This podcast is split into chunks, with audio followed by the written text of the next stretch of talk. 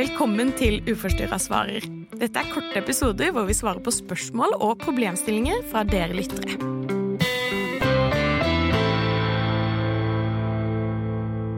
Vi har fått et spørsmål eh, som jeg har hørt ganske mange ganger før i samtalerommet også. Det er eh, rett og slett hva, hva, gjør man når pårørende spør hva, hva, hvordan er det med vekta? Eller når du får kommentarer på oi, nå har du gått opp i vekt, eller nå har du gått ned i vekt. Mm. Eh, for det her vet vi jo at er, kan være utrolig ubehagelig, og også veldig, veldig triggende. Hva, tenker du der, Ingrid? Altså, hva, gjør man da? Jeg bare tenker sånn off det må være vanskelig mm. å få en sånn kommentar når man uh, strever, og, og, kanskje også når man ikke strever, uh, og på liksom Ja, nå ser jeg du har gått ned. Nå ser jeg du har gått opp. Så bra. Mm.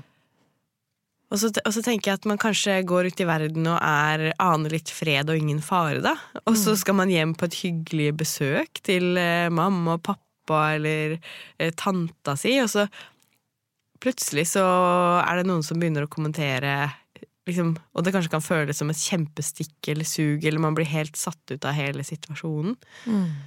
Um, og hva skal man uh, Hvordan kan man Fordi at det kommer til å skje. Kan, altså, det beste er jo om man lærer opp alle rundt seg til å ikke kommentere på kropp og vekt. Det er det mm. optimale, tenker jeg. Og så er vi ikke der ennå. Man kan ikke endre alle rundt seg, men hvordan kan man endre noe i måten man forholder seg til det? Hvor stor plass eh, skal man gidde å gi det, på en måte? Ja, og så skal man Jeg vet ikke Det er jo åpenbart, tenker jeg, at hvis mammaen din alltid spør deg om vekta di, eller kommenterer vekta di, så er det noe med å si det er ikke greit. Eh, gi beskjed. Skriv en melding, Messenger, et eller annet, og si du skal aldri mer kommentere min vekt. Punktum. Mm. ja, og så er jo den, skummelt. Den, den er jo beinhard! ja, men jeg, men jeg, blir litt streng der. Ja, ja. Man trenger jo ikke Men det er også fordi at jeg i samtalerommet sant, har hørt om foreldre som bare ikke gir seg på det her. Mm. Og én ting er å, å, si noe om det litt mildt i en bekymringssamtale. Um, jeg ser du har gått mye ned i vekt, eller jeg ser du har gått en del opp i vekt. Hvordan har du det egentlig? Ja, det er jo en måte annet. å si det på. Ja, for det er mm. fint å skille på. For, jeg, for jeg tenker, jeg er så enig med deg når det kommer, med, kommer til det her med sånn forbigående kommentarer på vekta di. Liksom i forbifarten.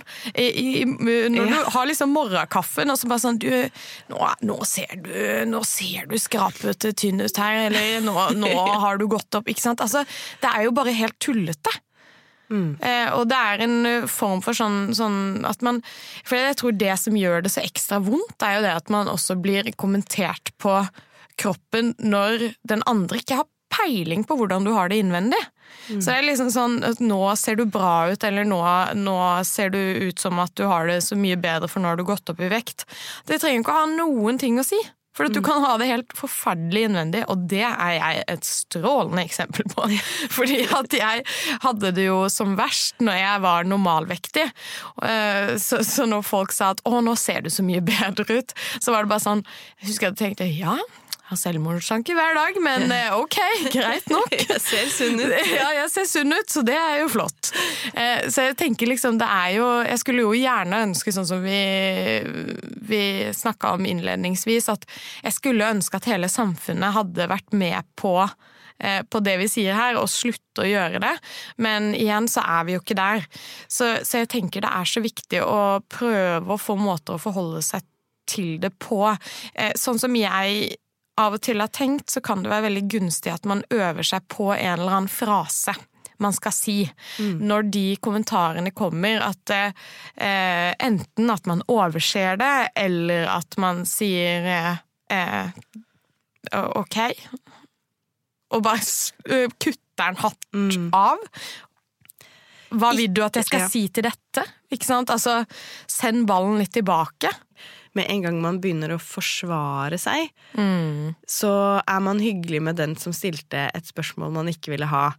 Og så tenker jeg jo at vi må også Eh, ok, dette blir litt kjipt, men nå, nå, må vi også huske på pårørende. Fordi at vi har en annen side ved dette bordet her. Og vi har mange mange foreldre som er kjempebekymra.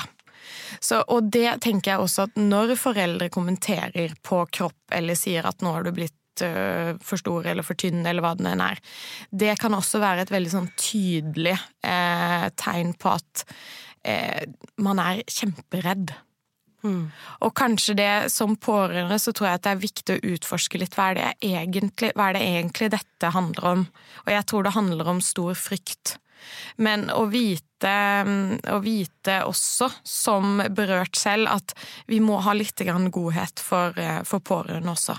Det er faktisk ikke lett mm. å være den som er rundt heller. Ja, ja, veldig godt poeng. Og det, det er noe med, fordi at nå, når vi snakka om det nå, så blei vi veldig strenge overfor de som stiller spørsmålet. Ja. og sier at de er noen slemminger. Ja. Men det er et godt poeng. Det er det jo faktisk som regel ikke. Som regel mm. er det en person som um, bare ikke vet hvordan den skal ja, og så har man, man har jo vokst opp med at det er et vanlig tema å ha. Mm. Det er vanlig å snakke om andres kropp, og det er vanlig å snakke om egen kropp. Og, og, det er liksom de senere årene hvor man har begynt å skjønne at det er en skikkelig uting. For man vet at eh, dersom det blir snakk om kropp, eller negativt snakk om kropp, at min kropp er sånn og det er dumt, så vet vi at det smitter. Så det er liksom noe med det å Sånn som den eh, den, eh, den, frasen Ros ofte bruker, da. Skift tema. Mm. Ja, nettopp. Og så tenkte jeg at hvis man skal være enda litt sånn snikere da, så bare Ja, jeg, jeg, legger merke til nå at du er opptatt av kroppen min, mm. og så begynner jeg å lure på hva er det med deg som gjør at du tenker på min kropp? Send mm. ballen tilbake. Hva er det er det noe du bekymrer deg for? Har du det ikke bra? Hva er det som, er det som gjør at du begynner å fokusere på hvordan jeg ser ut nå? Bare, mm. bare send det tilbake. Um, tenkte jeg var en sånn sneaky måte å Bare ikke, ikke, la det handle om deg, la det handle om den som har sendt ut noe som ja, kanskje ikke var så gjennomtenkt, eller mm, mm. Og det samme er det jo også sant, med kommentarer på kropp. Du har jo vært gravid, ikke sant, så det er jo også noe som, som kan være fryktelig, fryktelig vanskelig. Og der tenker jeg også som gravid, sett grenser. Eh, syns du at det er vanskelig når folk sier at du har for stor mage eller for liten mage? Altså, ja, dette er meg, dette er min kropp, det er sånn, sånn den utvikler seg. Mm. Men det er ikke din business. Altså Litt sånn som jeg ofte tenker, da, at lag et filter foran den andre. Det her angår ikke deg. Mm. Det, er, det, er, et annet ståsted altså, Den andre er i sin boble og sine greier. Ikke, ikke la det komme inn i din sone. Mm hvis du har slitt med en veldig sånn uh, betydelig undervekt, så tenker jeg jo også at hvis det er liksom jevnlige spørsmål fra pårørende under folk rundt, så kan man jo prøve å lage en avtale på at vi kan snakke om hvordan det går med vektoppgangen min eh, en gang i uka eller en gang i måneden, men at man ikke lar det på en måte ta så stor plass, da. Eh, så jeg tenker liksom, hvis man klarer å på en måte ha sine egne behov i fokus, men også pårørende sitt behov, for det er på en måte et reelt problem også for pårørende å ikke vite hvordan det går med vekta. For for noen så kan den vekta være veldig sånn klar og tydelig på at hvordan går det med kroppen. Mm. For noen trenger jo virkelig å gå opp i vekt og holde vekta stabil for at det ikke skal bli skader eh, langsiktig. Og da tenker jeg at prøv å snakke med de rundt deg og finn en god løsning på det som funker for deg og som funker for de pårørende, sånn at begge to føler seg trygge på det. Mm. Takk for at du hørte på Uforstyrra svarer. Hvis du har en problemstilling som vi kan ta opp i podkasten, så skriv til oss på Uforstyrra på Facebook eller Instagram.